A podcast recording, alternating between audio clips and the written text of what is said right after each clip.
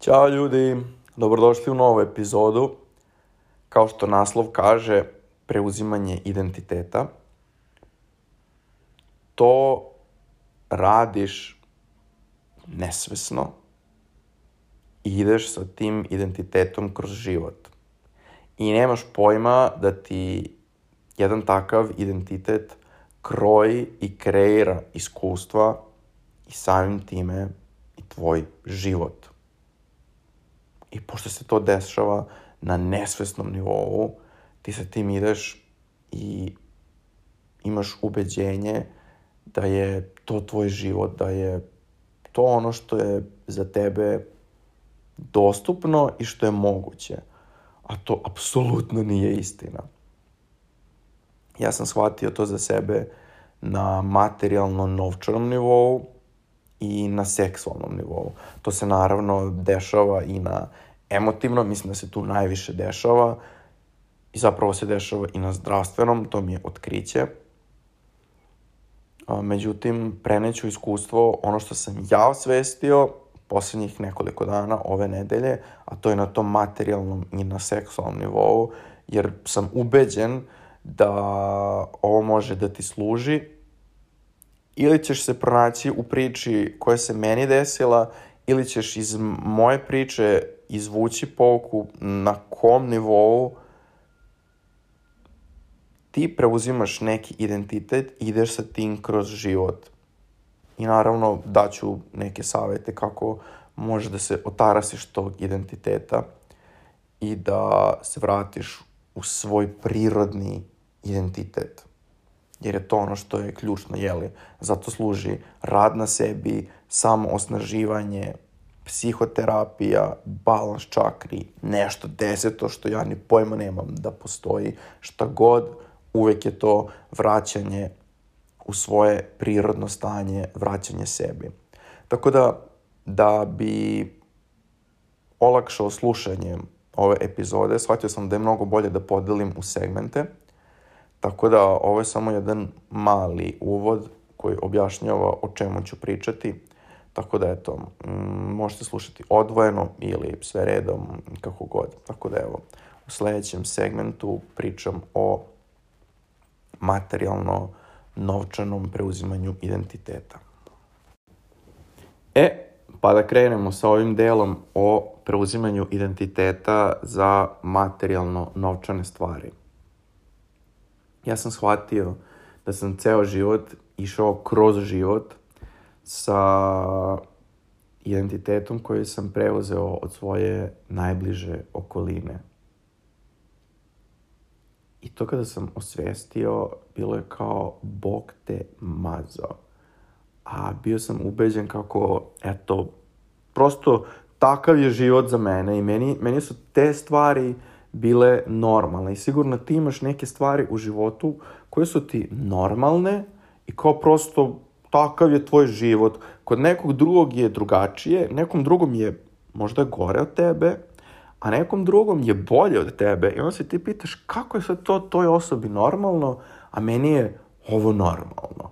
Jel da, svako ima neku svoju normalu koja mu je sasvim okej. Okay. Ali ja sam se nekako u poslednje vreme pitao zašto je meni moja normala sasvim okay, zašto mi nije neka lepša normala prirodna. E sada, kako sam to shvatio, da sad ne davim više ovome. Naravno, u pitanju su roditelji. E sad, kako sam ja to shvatio? Mm, ovaj stan koji rentam, uzao sam ga praznog i onda sam ja njega napunio nameštajem i uredio po nekom svom ukusu. Sad tu ima nekih novih stvari koje sam kupio, a neke su polovne, a, nešto malo je, ako malo oštećeno, kao ništa, ništa strašno, ali ok, jer meni je to normalno. I kada sam kupovao nameštaj, kup, kupovao sam ono što mi je, jeli, pristupačno. Ono, nemam pojma, Ikea i tako neke stvari. Jer kao, to je meni sasvim normalno. Naravno da sam ono, razmišljao, bilo bi super da sad kupim, ne znam ti nije ono, nešto iz natucija i tako neke strava stvari, ali kao, ja, to mi kao zvuči super, ali nije to moguće za mene, jel da? Jer meni to nije pristupačno. Ja sam kao razmišljao, čekaj, meni je ovo normala, a imam, naravno, prijatelje čije je normala sasvim drugačija, gde ono prosto ajde da kažem, žive u većem luksuzu od mene. Ono, nemam sad ni, nikakve negativne emocije prema tome, nego sam se zapitao kako sad to, zašto ja ne živim tako. Samo sam prosto krenuo da se pitam zašto je ovo moja normala, a zašto je tom nekom drugom takva njegova normala. I recimo jedan drugar ono, jako je sličan meni, ali njegova normala je, ono, neki strava luksuz, a meni je onako jedan normalan život. Lep, strava, totalno cool, ali onako jedna, mm, da kažem, pristupačna normala. I sad, naravno, njegovi roditelji su mnogo uspešniji, novčano, moji su onako jedan ono, middle class. Opet kažem, normala. I, aha, I tu ja skontam, aha, ok, to negde ima veze sa roditeljima. I onda sam, ono, odbacio sam zapravo tu teoriju, jer eto, on je odrastao, ono, prosto u drugačijoj sredini, gde je sve bilo, da kažem, bogato i lako je sad njemu da on tako ide, ide kroz život, jeli, njemu je mnogo lakše. A meni je teže za to ostvariti. A onda opet znam slučajeve, znamo svi ljudi i čak neki ono milioneri koji su bili siromašni, a sada su prebogati. Znači, moguće je. E sad, ja nisam za to da umirem od uh, posla, da se akam, njakam i to da bih postigao takav život koji želim, nego sam ubeđen da postoji neki lakši način koji je li dolazi iz moje srčane čakre, da ja osjećam da mi je lepo dok to radim. I onda sam razmišljao kao, ok, ovo je moj stan, kao lepo sam ga uredio, sve kako ja želim, na osnovu onoga što sam ubeđen da mi je pristupačno. I uopšte nisam kapirao poveznicu sa kućom u kojoj sam odrastao, jer to je vizualno drugačije jeli. Ja uopšte nisam kapirao ništa u vezi toga što je povezano, a jako je povezano. I baš mi je bilo i otkriće i šokantno kada sam, kada sam skapirao i shvatio to. Jer u toj kući u kojoj sam odrastao ima ono prosto više stvari. Ja nekako volim da je to onako clean cut, um, da su mi tu samo stvari koje mi koriste i da je baš sve po mom ukusu. Dok naravno u onoj kući to je bilo pokusu mojih roditelja i sve to je kao, nema tu poveznice. Međutim, nema vizualne poveznice, ali ima energetske. Znači, nešto je novo, nešto je ono već starije, da kažem polovno, nešto je pohabano, ali to je sasvim okej okay što je pohabano, jel da ja, ja, ono meni je sasvim normalno da imam u kući stvar koja je pohabana i verujem da neko ko od vas sluša, isto mu je to norm, ove normale kao. I onda kao, pa čekaj, ja na isti način imam stvari u ovom stanu i da je nešto novo, i da je nešto polovno, i da je nešto pohabano i što je meni najveće otkriće da je meni to sve normalno. Jer meni ništa drugo nije pristupačno, ništa drugo mi nije dostupno. I onda sam shvatio, jebote, pa to je identitet mojih roditelja. Oni ceo život idu kroz to i idu oh, kroz ceo život idu sa tim uverenjem i ubeđenjem da ono, može se imati samo ono što ti je dostupno, ono, možeš da se raširiš koliko možeš, jeli, ne možeš više od toga. Sigurno ste to čuli nekad u životu. Znaš, kao, nemoj se ti tu nešto da filozofiraš, uzmi ovo što možeš da imaš i ćao zdravo. I zapravo je to mindset, ono, uver, skup uverenja da ja mogu da imam samo ono što je meni cenovno dostupno.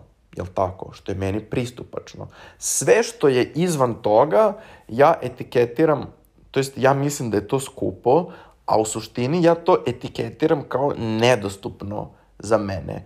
Ja nemam pristup tome.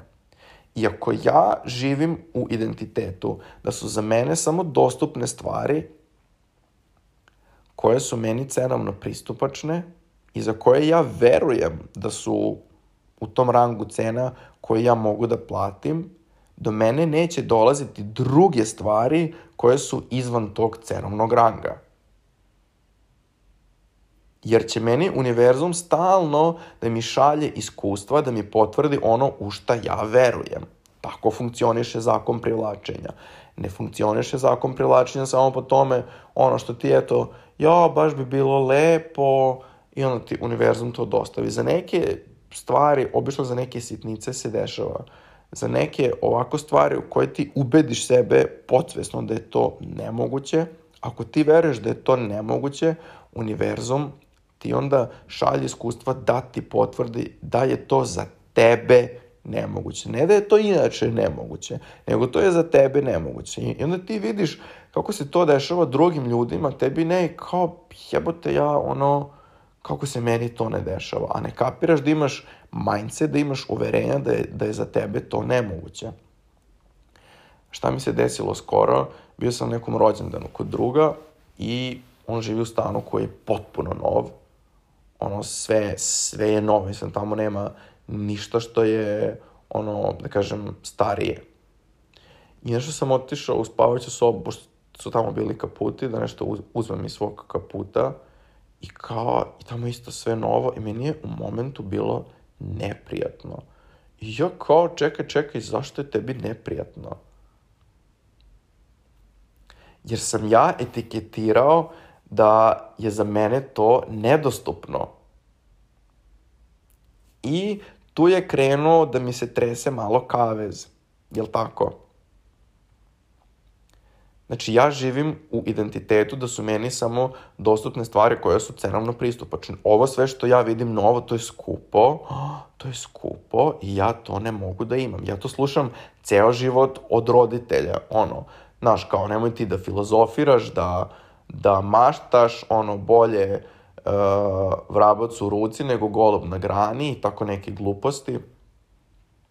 I znaš, kao sve je skupo, sve je skupo, ovo je skupo, ono je skupo, ovo je skupo, ono je skupo, ne znam da li ste vi to slušali, ali ja sam to slušao ono cijeli život. I onda sam ja stvorio sebi uverenja kako je jako puno stvari skupo, da bi skoro, kada sam stvarno krenuo da, mislim, istražujem, da proguglam, da shvatim da zapravo mnoge stvari nisu skupe kako sam ja mislio da jesu, jer su mi roditelji stvorili uverenje i identitet da je jako puno stvari skupo, jer normalno njima je to bilo skupo i oni nisu znali da sa takvim mindsetom sebi kreiraju život gde ne mogu da priušte stvari koje su drugačijeg cenovnog ranga. I onda su stvorili identitet samo to je stvorili su identitet da mogu da imaju samo stvari koje su im pristupačne. I sad to je, neko bi rekao, pa da, kao, to je sasvim normalno.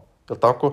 To zvuči kao jedan normalan život, kao o čemu ti pričaš, kao šta, šta se tu, kao ne razumem, šta govoriš. Možda nekome ovo nije jasno, ali poenta je da pričam da je to jedan identitet sa kojim se ti poistovetiš. I identitet je u stvari jako puno etiketa ili možda jedna velika etiketa i sve što je, sve što se ne poklapa sa time ti odbacuješ. A kad ti nešto odbacuješ, znači da veruješ da je za tebe to nemoguće i onda ti univerzum ne može to poslati.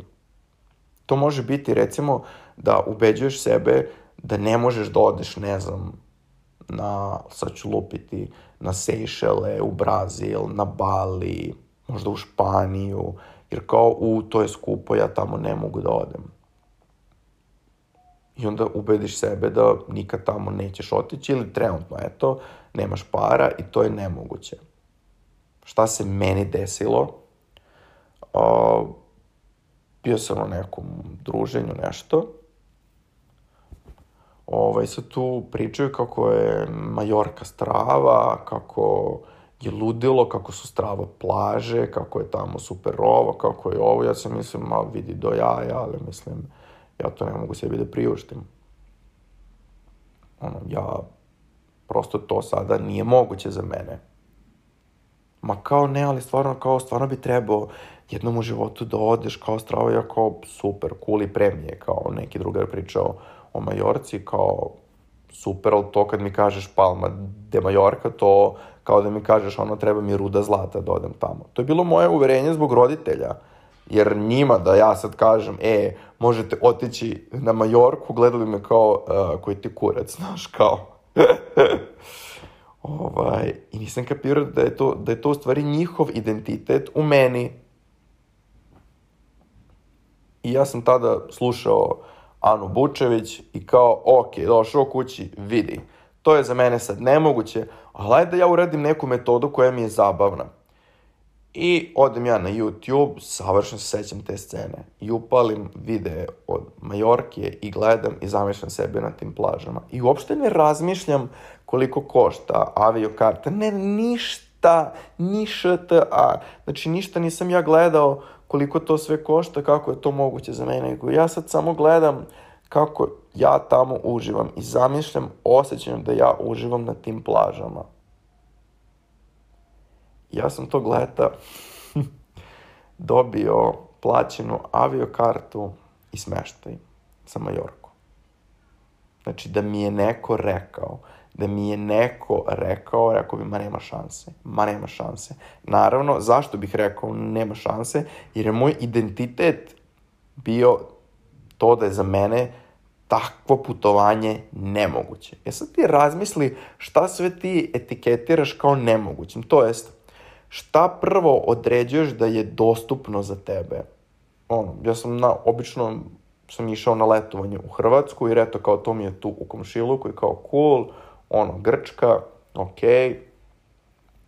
Čak i kada sam išao na neka putovanja koje su skuplja, ja sam ubedio sebe da ja moram debelo da se pomučim i da crnčim. Ja jesam mnogo radio, ono, neke projekte sa strane nakon posla, da bih ja platio taj neki super odmor od dve nedelje gde ću da se, da, da se relaksiram, a pre toga sam umro od posla, jer je moj identitet isto bio od roditelja, ako hoćeš nešto više, moraš da se pomučiš za to. Nema lako. To je isto identitet. I to su sve uverenja od roditelja. I sva ta uverenja čine jedan identitet od etiketa. Znači, izvinjavam se. Znači, jedan identitet koji je sačinjen, sačinjen od etiketa koje su, evo, konkretno, ja mogu da imam samo stvari koje su mi dostupne, koje mogu da platim. Uh, većina stvari je skupa.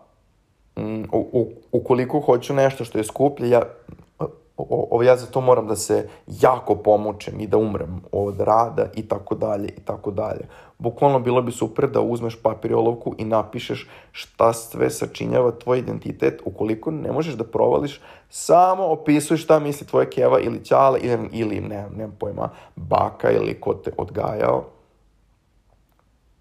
Ovaj, I vidi koje karakteristike identiteta ima ta osoba i tako lako možeš da provališ u šta ti veruješ, jer mi mislimo, ma ne, mi nismo isti kao naši roditelji, ni mi nismo isti kao naša okolina, kao ljudi koji su nas od, odgajali, ma kakvi, ono, to, to nismo mi, ja sam, ja sam drugačiji, ja sam bolji.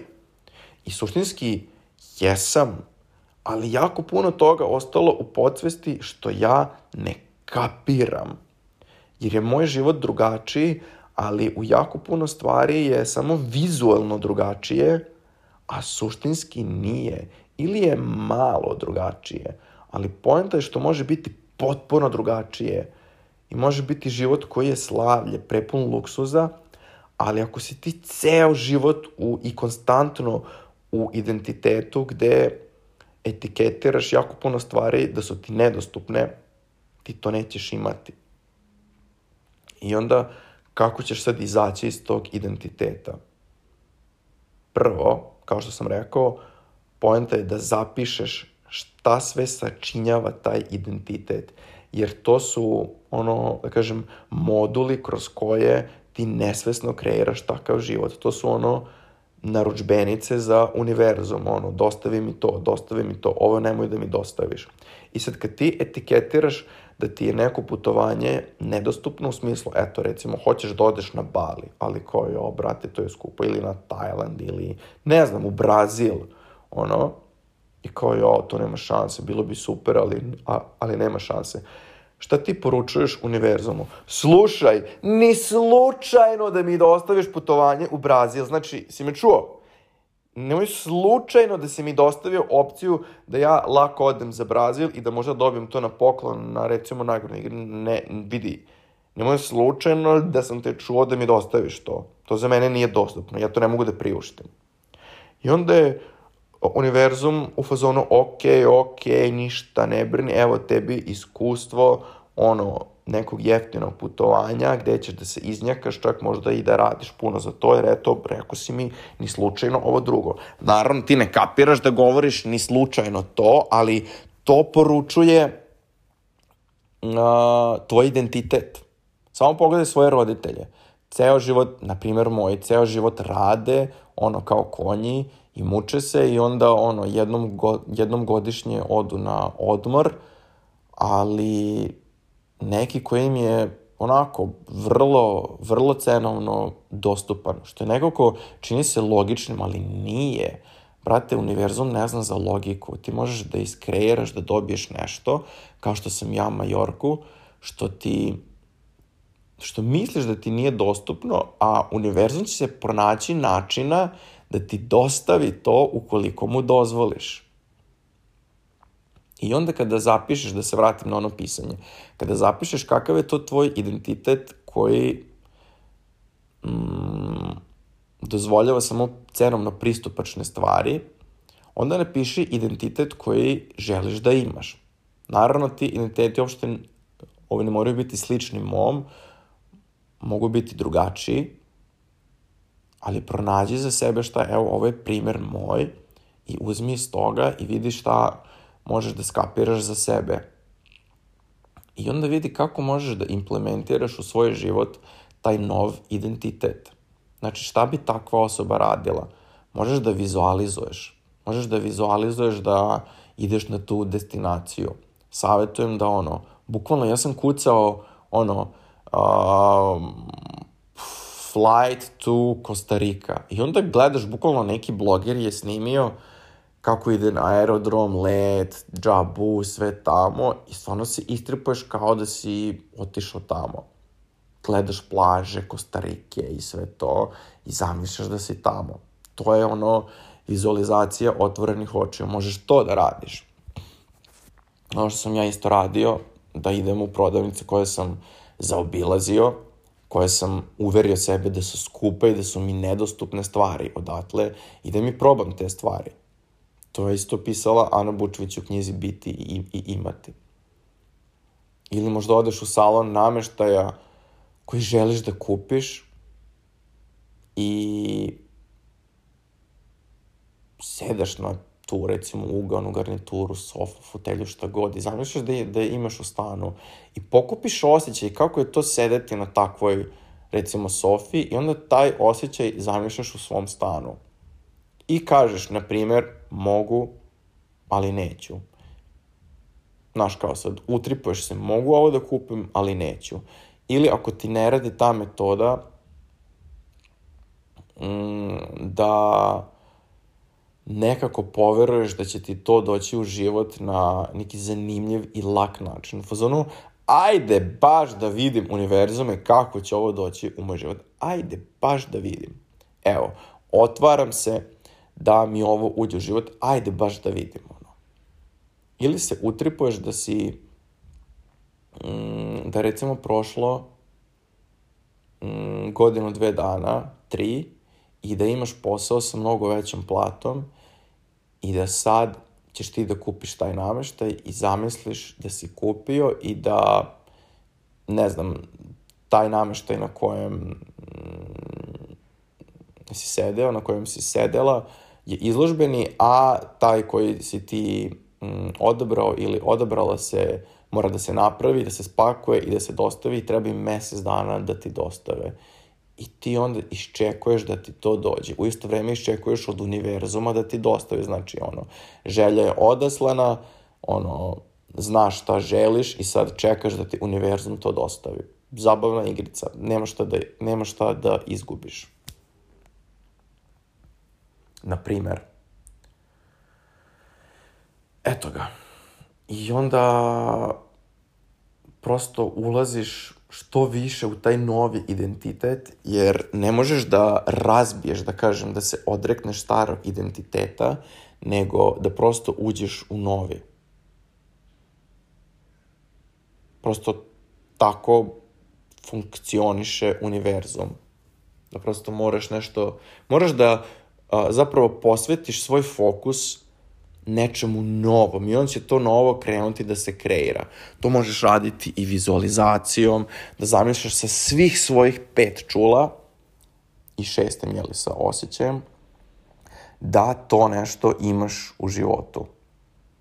Tako da, eto ga, ovo mi je za materijalno novčano, znači ne treba da etiketiraš stvari sa skupim i jeftinim, nego prosto šta je to što ti osjećaš iz srca i srčane čakre da želiš u svom životu istinski, ne sad ono da vidiš šta neko drugi radi i onda hoću i ja to, nego ono, šta, šta bi meni sad recimo u stanu stvarno bilo praktično, šta bi mi stvarno služilo i u čemu bih ja stvarno uživao da sada imam.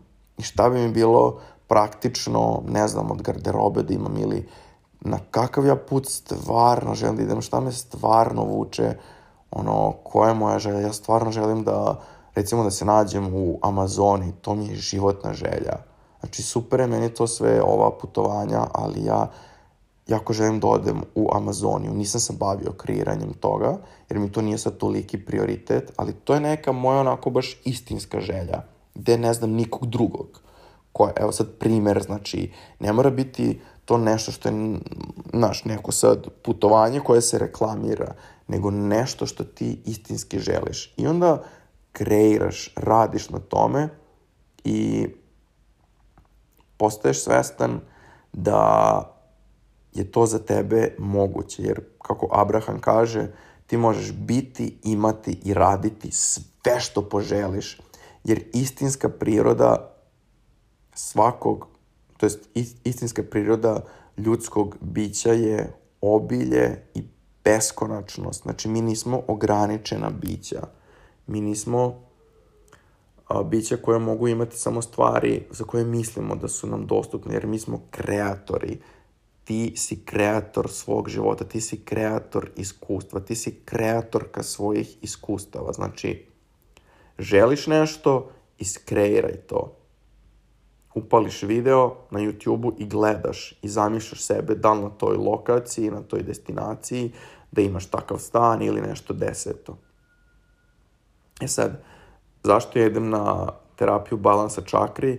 Jer ne želim da ceo život radim metode za kreiranje. Jer kad se ti izbalansiraš, kad ti promeniš te paterne, te identitete, ono, koje, koji su preuzeti od okoline, od roditelja, ti onda sa lakoćom kreiraš da ti dođe u iskustvo ono što stvarno želiš. Znači, prosto poželiš nešto, aha, to je za mene dostupno, aj baš da vidim na kako zanimljiv način će meni to doći. To se dešava onda iz lakoće, ali pre toga moraš ti da se promeniš. Što bi rekao doktor Joe Dispenza, ukoliko želiš drugačiji život, ti moraš da postaneš drugačija osoba, drugačija ličnost. I to vam je ovo identitet. Znači, sa kojim identitetom se ti identifikuješ. Prestani da se identifikuješ sa prosečnim identitetom. Napiši šta sve sadrži taj prosečni identitet i onda napiši šta sve sadrži identitet kakav ti želiš da postaneš. I onda gradiš tu jednu po jednu stavku. Normalno, normalno da nećeš odjednom izgraditi sad taj ceo identitet, novi, jer i ovaj trenutni tvoj identitet se gradio kroz, cel, kroz celi život. Celi život smo mi gradili te identitete koje nam se ne sviđaju oduži. Sad ovo hteo sam da bude 15 minuta, ali dobro. Tako da, eto ga. Idem u sledećoj u, u sledećem snimku na temu vezanu za seks. E, evo je i tema koja je tabu tema, o kojoj se ne priča, koja je strašna kad se spomene na TV-u. Tema seksa. Ja mislim da se tu, ne da mislim, nego sad sam već ubeđen, da se tek tu radi o preuzimanju identiteta ili čak potiskivanjem svog prirodnog identiteta. Izvinjavam se. Kako sam ja shvatio da sam ja preuzeo neki, da kažem, seksualni identitet koji nije u skladu sa mnom. Koji nekako nisam ja, a jako dugo godina sam praktikovao jer sam bio ubeđen da je to strava, da je to super. E sad, šta se desilo? Malo možda neprijatno za reći, ali mislim da to... Sad, e da, ja ću vam pričati iz muškog ugla. Sad shvatio sam da, to jest video sam statistiku da je naj, najveći deo publike su žene, tako da ja vam sad pričam iz muškog ugla, zapravo kako sam mislio da vam ovo možda neće služiti, možda za, zapravo i hoće da shvatiš okoliko si devojka, žena, kako to muškarci vide i zašto to rade. A verujem da će mnogima od vas ovo služiti i da možda na osnovu mog primjera naučite šta je to što vi radite, a što nije vaš identitet. Dakle, jedna od prirodnih stvari koje ljudska bića rade je masturbacija. Crkva to naziva bludni čin, to je zabranjeno, mislim, neke nebuloze, gluposti. O tome se ne priča na TV-u, to oni slučajno, ono da neko kaže da drka, to je ono gore nego da kaže da je nekog ubio, ono ne, sad ne uzimam u obzir uh, farme i te reality, to, to stvarno ne, ovo ne gledam, tamo stvarno ima raznih bljuvotina šta tamo pričaju i rade, ne bih sad o tome pričam, o normalnim emisijama gde, gde bi bilo stvarno super da se priča o, o tome kao o krajnje normalnoj stvari. E sad, dakle,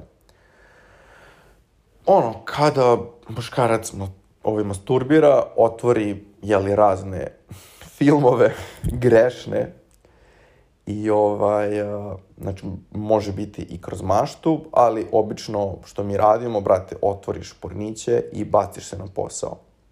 I onda sam ja tu otvorio jedan, drugi, treći, peti i sad gledam to i uživam i sad nekako, ono, uvek ti, mislim, barem ja, kao gledam i sad kao ovo mi je cool, ovo me loži, ovo me ne loži. I sad nekako, gledam te ljude koji imaju seks i kao sad ja tu uživam sam sa sobom i sve ono što me preložilo vidim da sada nekako ne mogu da se povežem sa tim.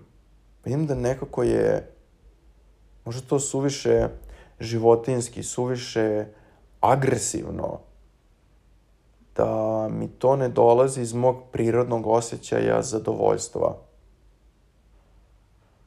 A da sam ja to što ti ljudi rade, recimo taj par, uh, u porniću, da se ja tako seksualno ponašam godinama.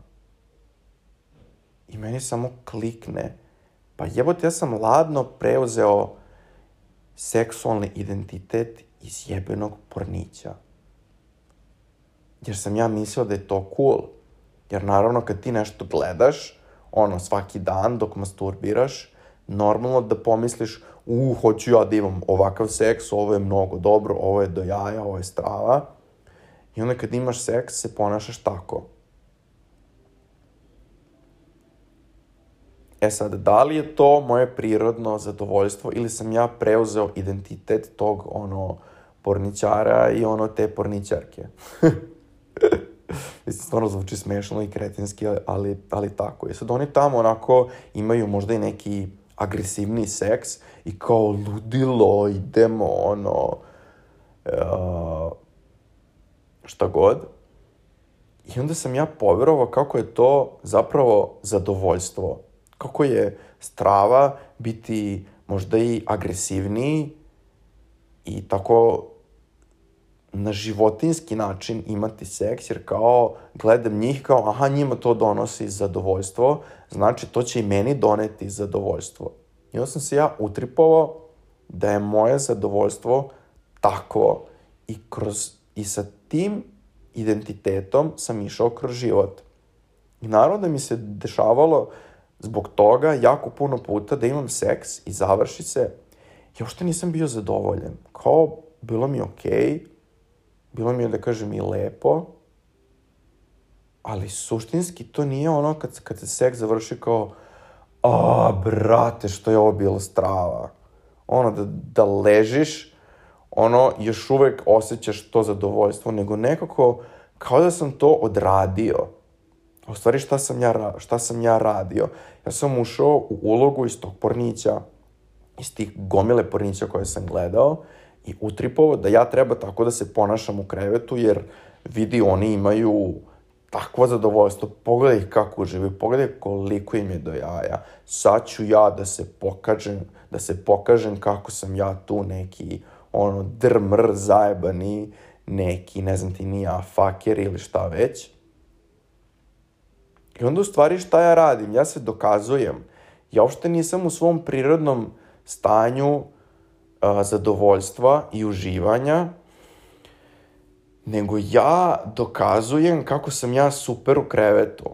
Jer sam ja verovatno imao negde neki osjećaj niže vrednosti koji sam pokupio ko zna gde.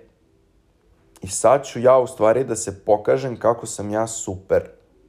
Sad ću ja tebi da pokažem šta sve ja umem u krevetu i onda ja tu neko može i da se iživljava, da se tripoje kako je on, ne znam ti nija kakav zajeban faker, kakav zajeban, sad čak ne mogu reći ni ljubavnik, jer tu se potpuno isključuje pojam ljubavnika.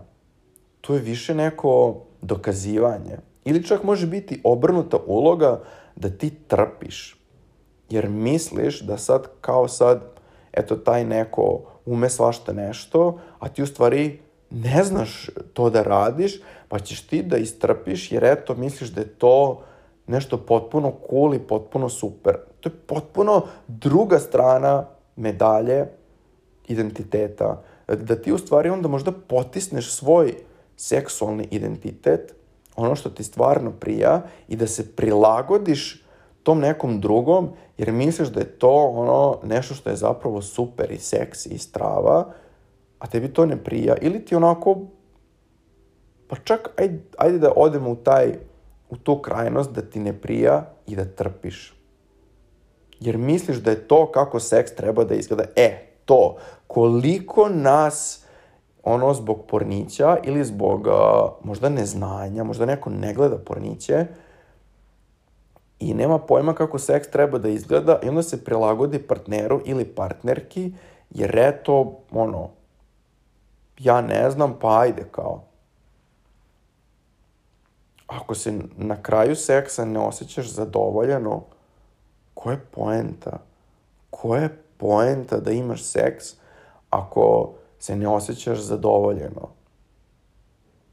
Evo, ja sam shvatio, sam ja ulazio u tu ulogu nekog tu zajebanog drmr, jer sam gledao šta oni rade i kao mislio sam da ja tako treba da se ponašam.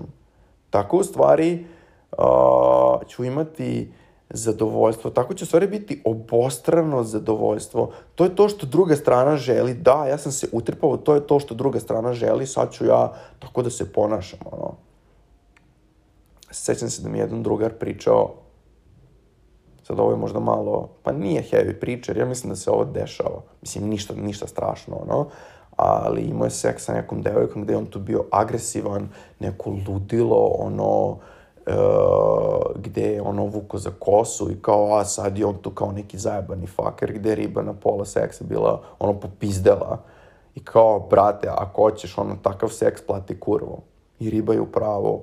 On je ušao u taj identitet nekog zajebanog fakera, I sad je on mislio kako je on, sad će on tu da se iživljava, a on je ono mačo, on je muško, on je balkanac, sad će on tu njoj da pokaže. Riba naravno zna šta je njeno zadovoljstvo i presekla je to. E sad, zašto je on imao takav seks sa njom? Jer, jer, jer je prethodne ribi to prijalo. Pričam je kao imao je seks sa nekom drugom ribom koja je odlepljivala na to. I naravno, dogod je u pitanju obostrano zadovoljstvo, sve je sasvim okej, okay, dok nema povređivanja, dok niko nikog ne povređuje, sve je okej. Okay.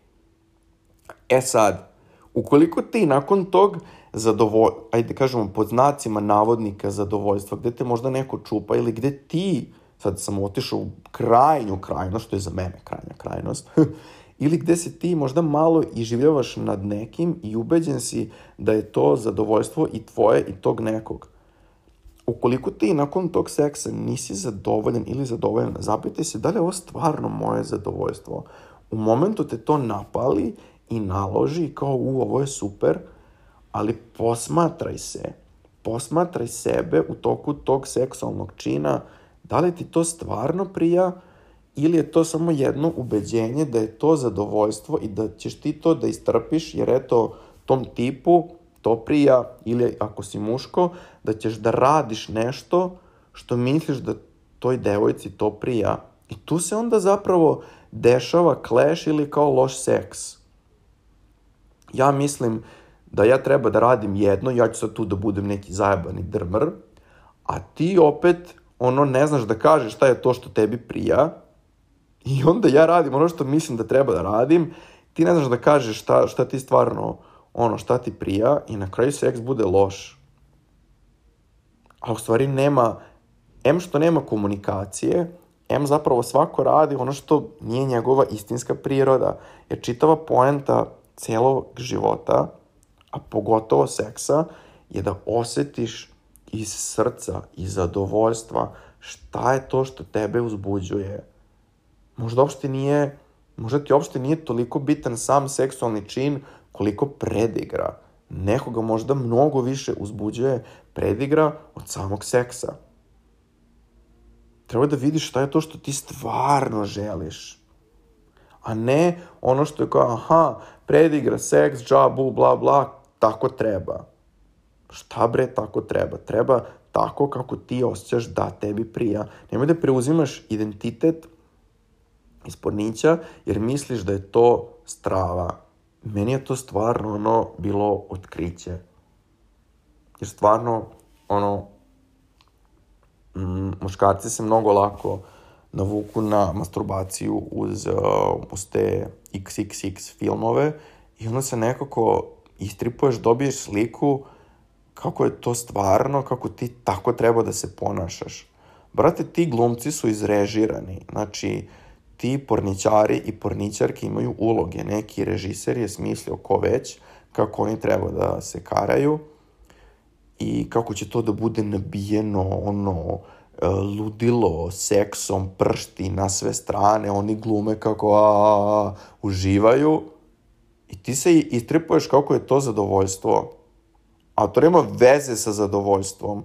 Koliko zapravo ti pornići iskrive sliku o zadovoljstvu. Meni su stvarno trebali godine da ovo shvati. Možda je, verovatno, ove nekom koji je kurac ovom, sad pošto je većina vas za sada koje slušate žene, verovatno je ovo vama, ja ne mogu da verujem šta slušam, verovatno ste neke i u šoku, ali sad ćete možda bolje shvatiti muški rod. Naravno, nisu ovo svi muškarci, ali jedan deo, veći ili manji, ja sad ne znam, ne radim takvu statistiku, jeste. I onda ćeš možda bolje razumeti zašto neki muškarac radi nešto. I sad, ako se neki tip istripuje, da on sad tu treba da je neki zajebani faker, jer uh, zapravo vidi pred sobom ribu koja je ono strava izgleda i onda se on istripuje ja sad moram njoj da dokažem da sam ja, ne znam ti, nije ono super jebač, ono, nema bolje reči od toga, da ne koristim stalno faker. I onda tu dođe do kleša, njemu se spusti, zašto mu se spusti? Jer, on, jer se on sad istripuje da on treba da se dokaže. Jer on je video u porniću šta ribe koje tako izgledaju žele da iskuse i šta je njima zadovoljstvo. Naravno, to je ono otprilike naučna fantastika, ono nema veze sa istinom. On misli da je to što ona želi da iskasi, što ona želi da iskusi i sad će on njoj u stvari da prikaže taj svoj identitet. Sad će on u stvari da se dokaže. Tu se zapravo radi o dokazivanju da je on brutalan u seksu. I onda, naravno, se ne desi ništa. Jer nije poenta da ti išta ikome dokazuješ. Poenta je, aha, šta je moje zadovoljstvo? Šta ja zapravo želim da radim? Ajde da radimo to. A ne da se tu iko dokazuje ili da iko od nas dvoje trpi za, zato što se ovaj drugi dokazuje. Jer seks treba da bude ono rezultat konekcije dve osobe, a ne a da ja sad tu nekome dokazujem kako sam ja strava u krevetu. A verujem da to mnogi rade, mnogi. Ili čak neko ko možda nije imao seksualna iskustva, eto, možda, možda sluša neko ko nema seksualna iskustva, i onda uh, prvo iskustvo bude sa nekim ko hoće da se dokaže, ko možda je preuzeo identitet seksualnosti iz pornića. I onda ti, koje si, eto, na primer, nevina, nemaš pojma ni o čemu, istrpiš to nečije iživljavanje i pomisliš kako je to seks. A to ima veze sa seksom, ima veze sa, ono, sa a, pogrešnim identitetom. Znači, nema veze što ti nisi imala seksualna iskustva. Ti, brate, znaš koje je tvoje zadovoljstvo. Masturbiraj sama sa sobom i osjeti šta ti prija, kakav ti dodir prija, šta želiš da iskusiš. Samo prosto vizualizuj, bukvalno legneš i vizualizuješ seks kakav bi tebe najviše uzbudio, kakav bi tebi prijao. I to je ono što ti želiš da se desi. Ne treba tebi nikakav pera Mika Žika ono, Petar, lupam sad, da ti uh, pokazuješ šta je zadovoljstvo, e, mačko, sad ću ja tebi da pokažem šta je pravi seks, razumeš, nemaš pojma, sad ću ja da ti pokažem šta radi jedan, ono, balkanac jebač. A taj balkanac jebač preuzeo identitet iz, iz pornića i možda ima, ono, čak i nisko samopouzdanje i kroz seks se dokazuje. Karikiram, lupam, ono, ali može biti, ne mora biti, ali može. I stvarno tu treba shvatiti šta je stvarno tvoje zadovoljstvo i onda ići sa tim kroz život. I ako shvatiš da ti je iskrivljeno, da, da ti je iskrivljena slika o zadovoljstvu, to ćeš znati tako što na kraju seksa ne osjećaš zadovoljstvo, nego ti kao, okay, bilo ti je. Okay. I aj sad može sledeći. Ono, jer ti kad se seksualno zadovoljiš, sva čula se uključe, ono, naježiš se, tebi ne treba naredni seksualni partner da te zadovolji, neko drugi.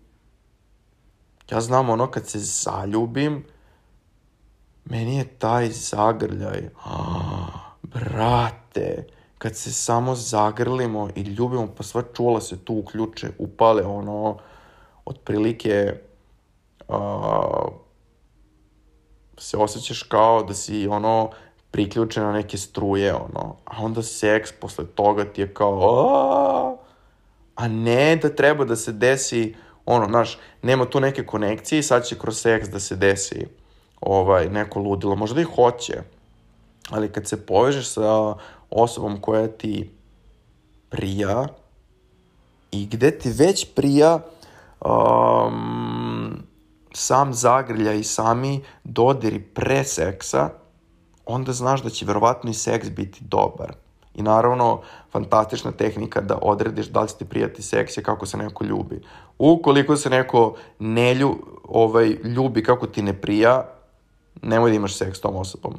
znači, to mi jedan ovaj, uh, drugar savjetovo i stvarno, ovaj, stvarno to radi.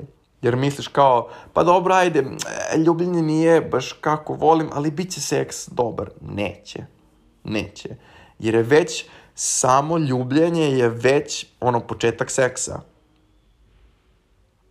Ovaj, sad ova tema je duboka i široka i verovatno ću još u nekoj epizodi pričati o tome, ali eto. Znači, prosto osjeti šta je to što je tvoje zadovoljstvo i možeš da napišeš isto na papir šta je tvoj seksualni identitet trenutni, šta je to što ti veruješ da će te zadovoljiti ili šta je to što ti misliš da će te zadovoljiti ili šta je to što ti misliš da treba da radiš u krevetu da bi se desilo zadovoljstvo ili šta je to što ti misliš da treba da radiš u, u krevetu da bi tvoj partner bio zadovoljan ili da bi tvoja partnerka bila zadovoljena. Ti nisi tu, on, brate, nisi ti performer u, u, u krevetu, ono, akrobata, koji treba da radi ne znam ti ni ja šta. To sve dolazi prirodno, te sve poze i to ludilo od seksa dolazi prirodno kad se s nekim konektuješ. I onda ono se desi i eksperimentisanje i svašta nešto. A ne da se nalaziš sa nekim, ono, na primjer, da bi se isključivo ispunio tvoj fetiš. Jer on je to samo odrađivanje. To je kao da odeš i odradiš tezgu. Eto, sad ja želim taj fetiš, ono, ti mi izgledaš fizički super, ajmo sad ono da odradimo to. Poenta je da pronađeš osobu koja ti prija, koja ima isti fetiš kao ti i onda uživate zajedno u, u tome uh, iz lepote iskustva. Eto ga. Super mi je da sam pričao o ovoj temi, jer meni ovo znači i verujem da, s obzirom da ovoga nema na netu, barem ne na ovaj način, nema ni na TV-u, to kad se spomenje, kad se, kad se spomenje, kad se spomene seks ili masturbacija ili neko kaže drkanje na TV-u, to je ono, znači ono voditelj koji je u fazonu kao da je neko rekao diži noge, ono, sad ću da te, ono, ne znam ti ni ja šta, odmah bude neprijatno. Neverovatno je kako je ljudima neprijatno da pričaju o o seksu, kao da je to nešto što niko ne radi, znaš, kao niko se ne jebe, ono, i onda sad kao o tome, o tome nećemo da pričamo. I zato, I zato ljudi imaju tako iskrivljene slike, jer nemaš gde da čuješ šta je to što je prirodno. A poenta je da slušaš svoj osjećaj. Ali naravno da je super čuti koje su sve to iskrivljene slike i ti onda možeš da stvoriš sliku u čemu ti grešiš. Jer poenta je na kraju krajeva da ti imaš zadovoljstvo sa drugom osobom, a ne da zadovoljiš drugu osobu, a ti ostaneš ono kao, ne znam ti nija šta, kao neko telo za koje služi da druga osoba uživa, a ti ništa, ono. Tako da, eto ga. To bi bilo to. Idem sad u sledeći segment za zdravlje, koji će biti verovatno kratak, jer ovaj, uh, tu ću samo da se dotaknem teme od onoga što sam pročitao. O zdravlju. Mm, tu isto može da se desi preuzimanje identiteta, a isto može da se promeni identitet koji je usvojen zbog dijagnoze. E sad, a, reći ću primer od doktora Bruce Liptona, Bruce Liptona i a, jedan primer iz knjige doktora Joe Dispenza. Doktor Bruce Lipton i Joe Dispenza, oni se bave time kako o, zapravo okolina utiče na gene. I do sada se mislilo da svaki čovek po osob ima ovaj, eh, različite gene. A zapravo su oni naučno dokazali da svaki čovek ima istu biblioteku gena, a da su kod različitih ljudi drugačiji geni aktivirani, a drugačiji su deaktivirani i da mi aktiviramo i deaktiviramo gene čak i na dnevnom nivou. I da u mnogome okolina utiče na to koji geni će biti aktivirani, a koji geni će biti deaktivirani. I ovo je ono, pff, ono mind blowing. Mnogo menja tok medicine. ovo naravno još uvijek nije, išlo, nije ušlo u učbenike na fakultete, nego je ovo, ono, otprilike ovaj, da kažem,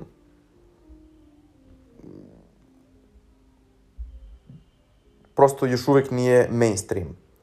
E sada, Dr. Bruce Lipton, izvinjavam se, Dr. Bruce Lipton je naveo super jedan primer, blizanci koji su razdvojeni po rođenju, jedan je odrastao u jednoj porodici, drugi je odrastao u drugoj porodici. Ovaj prvi je odrastao u porodici gde je, ja mislim, majka imala šećernu bolest, drugi blizanac je odrastao u porodici gde niko nije imao šećernu bolest. I ovaj prvi blizanac je, uh, kada je odrastao ili ne znam u kom dobu, diagnostifikovana mu je šećerna bolest. Gde se mislilo da je to od... Uh, mm, to jest, da, gde bi ispalo da je on genetski uh, je li to nasledio od majke. Jel tako? A kako onda ovaj drugi nije nasledio? I sad, objašnjeno je to detaljnije, ali ono što je sumo sumarum priče je da je, da, da su se geni aktivirali ne zbog biološkog prenosa, biološko-hemijskog prenosa na tog blizanca koji je dobio šećernu bolest, nego zbog najbliže okoline koja je uticala na njega. On je svaki dan provodio jeli sa tom majkom i stvorio je sliku kakva je to osoba koja ima šećernu bolest i zna kakav je to identitet. I on je nesvesno preuzeo taj identitet. To se desilo, ja duboko verujem, na frekvencijskom nivou. Jer mi smo bića frekvencije, vibracije, kako, kako god. Mislim, šta vam je srcu milo da kažete, meni je nekako mnogo češće, lepše da kažem frekvencija. Jer svako od nas ima svoje magnetno polje. I znate ono kada uđe neko u prostoriju i prosto ono osetiš da je osoba negativna, da ti ne prija. Po kojoj logici ti možeš da objasniš uh, da osjećaš energiju druge osobe? Zapravo, tvoje magnetno polje je osetilo magnetno polje te druge osobe. Meni je ovo najlogičnije objašnjenje. Znači, to se dešava u sekundi, ma u deliću sekunde.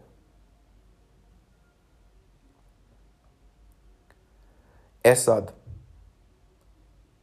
osoba koja je nesvesna će od te osobe preuzeti energiju. Ta osoba koja je recimo negativna, negativno ras, raspoložena, seje okolo tu negativnu energiju i kreće nešto da priča, neke gluposti, nja, nja, nja, ono, da se žali do ovo, da ono, i ono ubijete u pojam i ti ceo život, bože, ceo život, ceo dan budeš smoren, ono.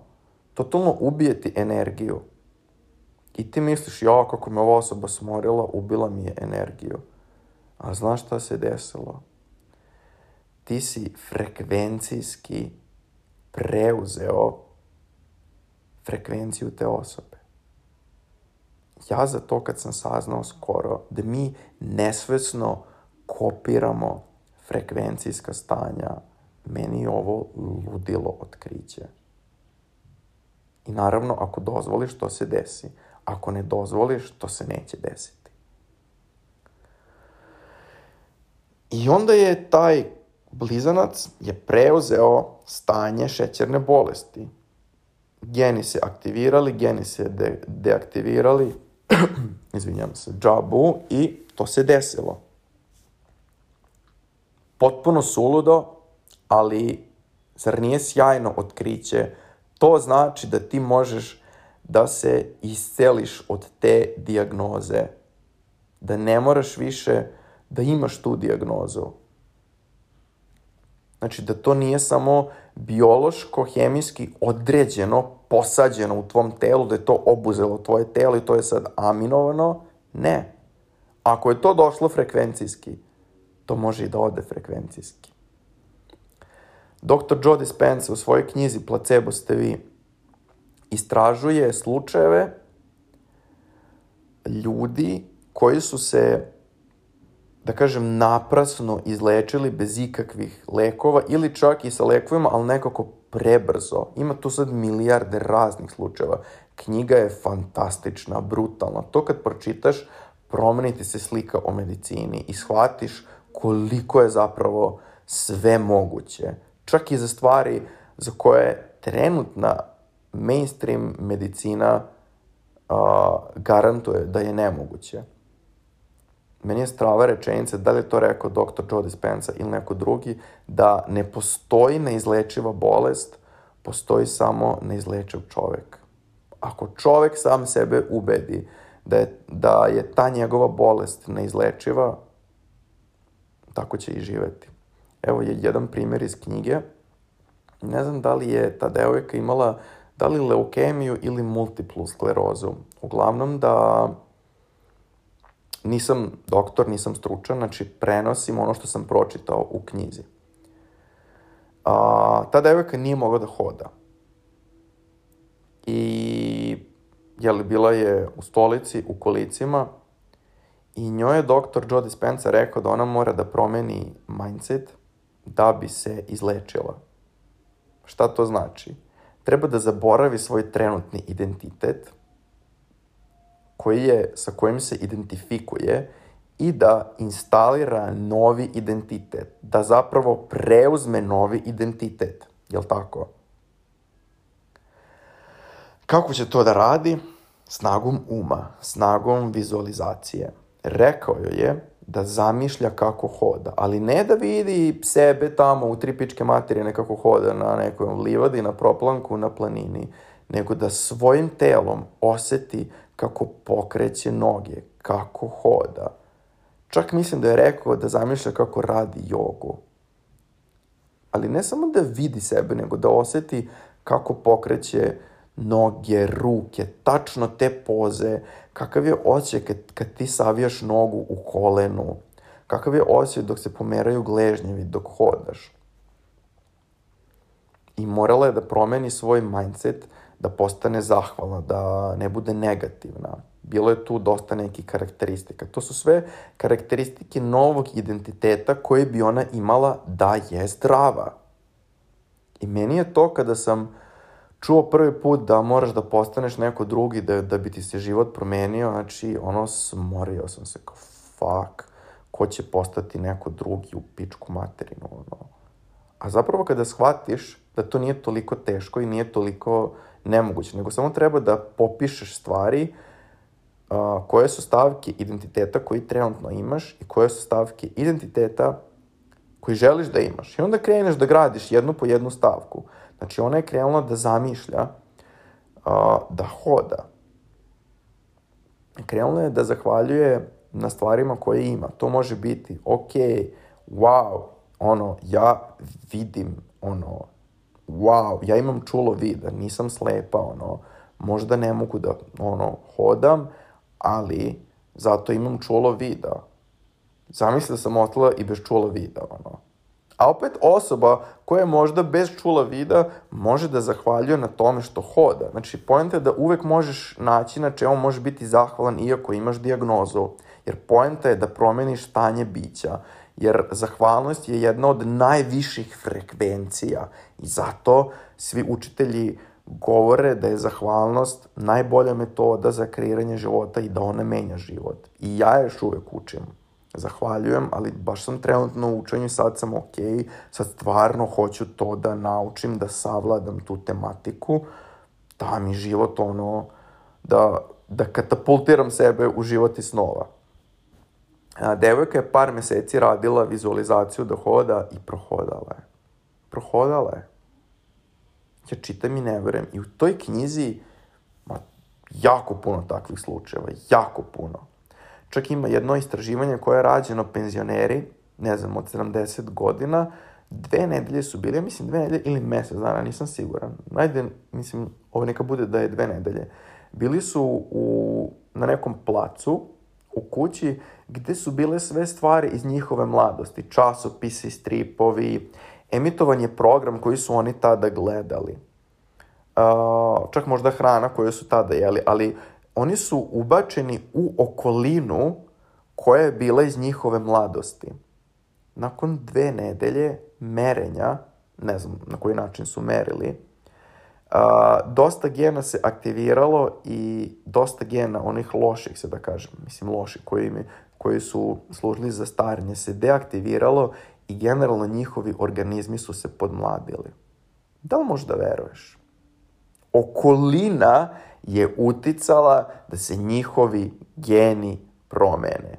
A penzioneri kad svaki dan gledaju ono dosadne vesti i on ne znam nija bolji život, srećne ljude i sve one depresivne serije, kako se osjećaju ono, i ne znam ti nija šta, koje sve druge stvari. I slušaju druge penzionere kako kukaju, samo se osjećaju još starije. I geni im onda stare.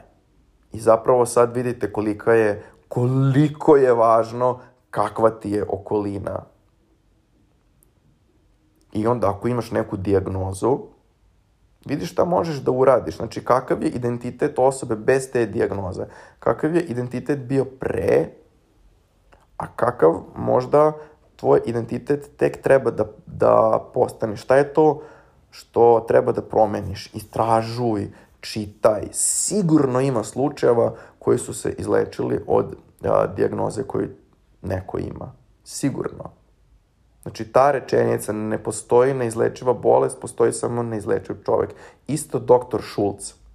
On leči neizlečive bolesti. Znači, ima toliko doktora koji leče neizlečive bolesti, ali ovi klasični doktori nemaju pojma o tome, zato što samo oni znaju iz učbenika um, s kojih su učili na fakultetu i to je to. I to je to. A o, medicina je mnogo napredovala, samo što se o tome ne priča. Nego se samo priča o tome da se ljudi kljukaju lekovima i ćao zdravo. Ono, naravno, znači, ne poričem uh, učinkovitost i blagodetosti moderne medicine, samo kažem da može biti još bolje od toga.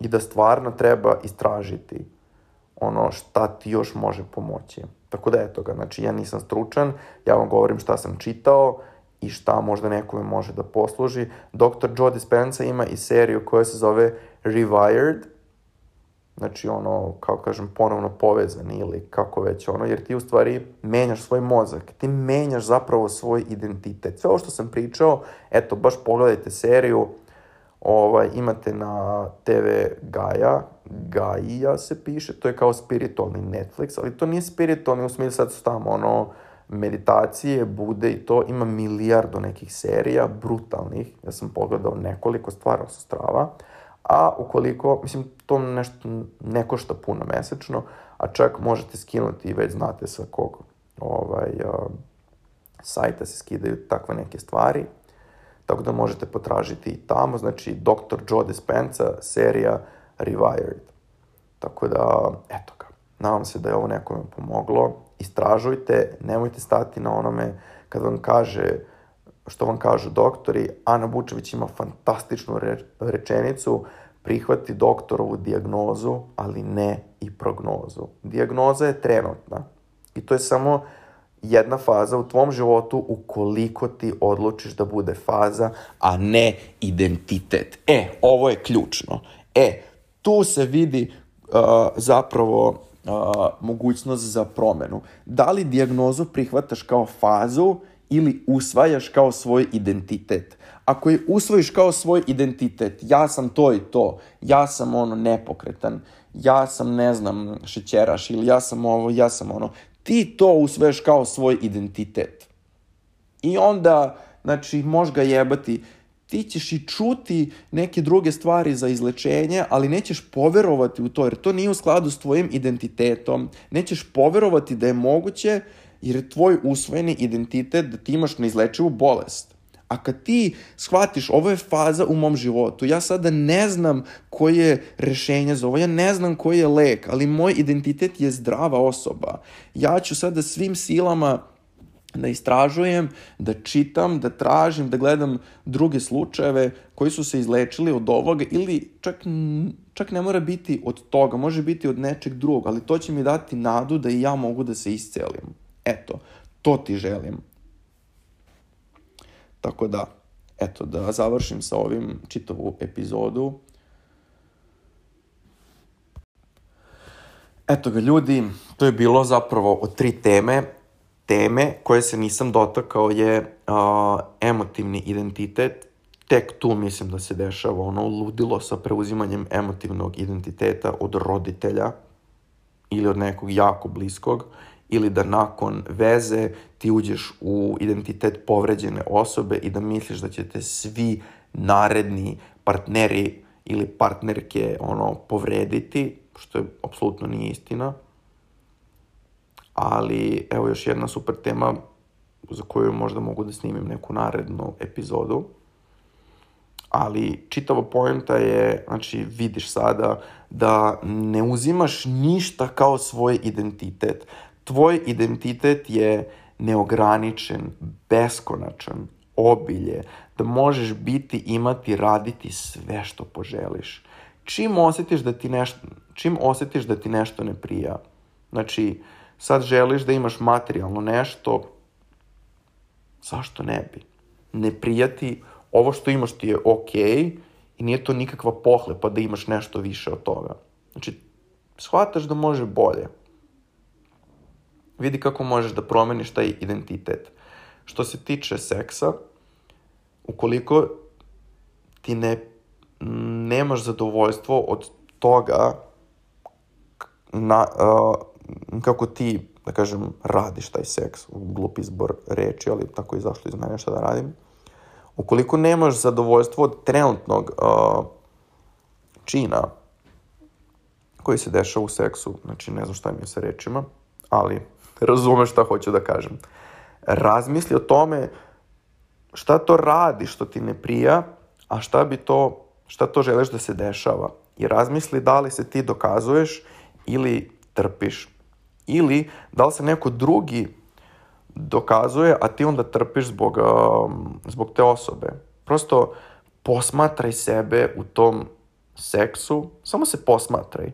Samo se posmatraj šta radiš. Eto, sledeći put, znači ne, znači ne moraš ništa drugo da uradiš, samo posmatraj, uloga posmatrača je brutalna.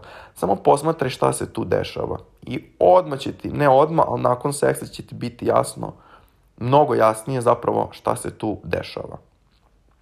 Što se tiče zdravlja, znači knjiga Placebo ste vi, dr. Joe Dispenza, čak bih možda savjetovao pre te knjige, a ukoliko ćeš čitati Joe Dispensu, da uzmeš njegovu knjigu uh, Stvorite novo ja, tako nekako se zove. Mislim da je super kada se čita neki pisac, da se ide redom, jer se svaka naredna knjiga verovatno nadovezuje na prethodnu.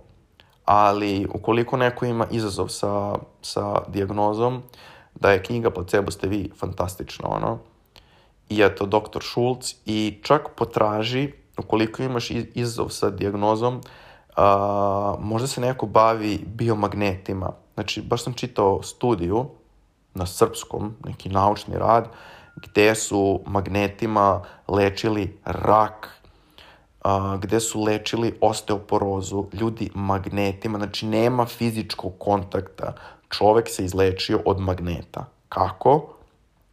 A, zdrava ćelija ima svoju izbalansiranu frekvenciju. Bolesna ćelija je, izla, je izašla iz te frekvencije. Ili je niža, ili je viša. I zato je ćelija bolesna, jer nije u svom prirodnom stanju frekvencije.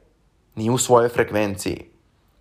Kada se a, pusti frekvencija koja je a, koja odgovara ajde ovako, kada se magnetima emituje frekvencija zdrave ćelije, Znači, time se utiče da ćelija koja je bolesna se vrati u svoje zdravo stanje. I to je zapravo lečenje frekvencijom i to je budućnost. To je Nikola Tesla zapravo dokazao. On je napravio uređaj za lečenje frekvencijom. Tako da, eto, čak i to može biti ovaj, uh, izlečenje od dijagnoze. Imate ženu koja se zove Anja Petrović, koja radi Tesla metamorfozu. Baš, baš čitam sad trenutno njenu knjigu. Koja je rekla da leči sve živo, ono, rak, HIV, znači, eto da kažem, dve bolesti koje su ovaj, trenutno važe za neizlečive. Stvarno ima jako puno ljudi koji leče alternativnim metodama koje rade. Ja više te metode ne zovem alternativne, nego to su mi prave, a lekovi su alternativna. Zašto? Mi smo ljudi bića frekvencije. Znači, to je moje, moje, moja priroda je frekvencija. I, i, I kako onda, ako neko leči magnetima, frekvencijom, kako je to alternativno? To je neko rekao da je alternativno da bi te kljuko lekovima, da svaki dan ono gutaš lek. E, ovo je e, glavno, a ono alternativno možda radi, možda ne radi. Ja neću da prihvatam to. Ja to više, ja tako, ono, neću da verujem. Naravno, ono, za neke stvari su dobri lekovi, ali vidi da li postoji nešto prirodnije. Eto ga. Znači, ovo su moji saveti, moje iskustvo, moj ugao, znači, prosto, ja, samo, ja sam tu da možda otvorim nekome vidik da istražuje neke različite stvari kojih nije bio svestan. Tako da nemojte uzimati sad ovo moje zdravo za gotovo, nego istraži za sebe, istraži, vidi stvarno šta sve postoji. I ne poistovećuj se sa identitetom koji ti ne prija, koji nije tvoje prirodno stanje. Tvoje prirodno stanje je sreća, radost, zdravlje, obilje, sloboda, uživanje, strast, rast, lepota, ono, sve što je lepo, to je tvoje prirodno stanje. Čim nisi u tom stanju, znači da uh, je tvoja ličnost usvojila identitet koji ti ne treba. Osvesti koji je to identitet, razgradi ga, račlani ga na komponente, napiši koje su to komponente. Ja jako puno pišem, baš sam shvatio da je poenta uverenje i taj identitet koji sam usvojio, usvojio da račlanim na, kon, na komponente. Kad ja to račlanim, onda ja vidim u stvari o čemu se tu radi i onda mogu da zapravo kreiram novi identitet sa novim komponentama i onda polako krećem da usvajam navike tog novog identiteta. Tako da, eto ga. Osvesti koji identitet imaš i koji ti ne služi i onda kreiraj novi identitet koji služi za tvoj najlepši život. Do sledeće epizode. Ćao!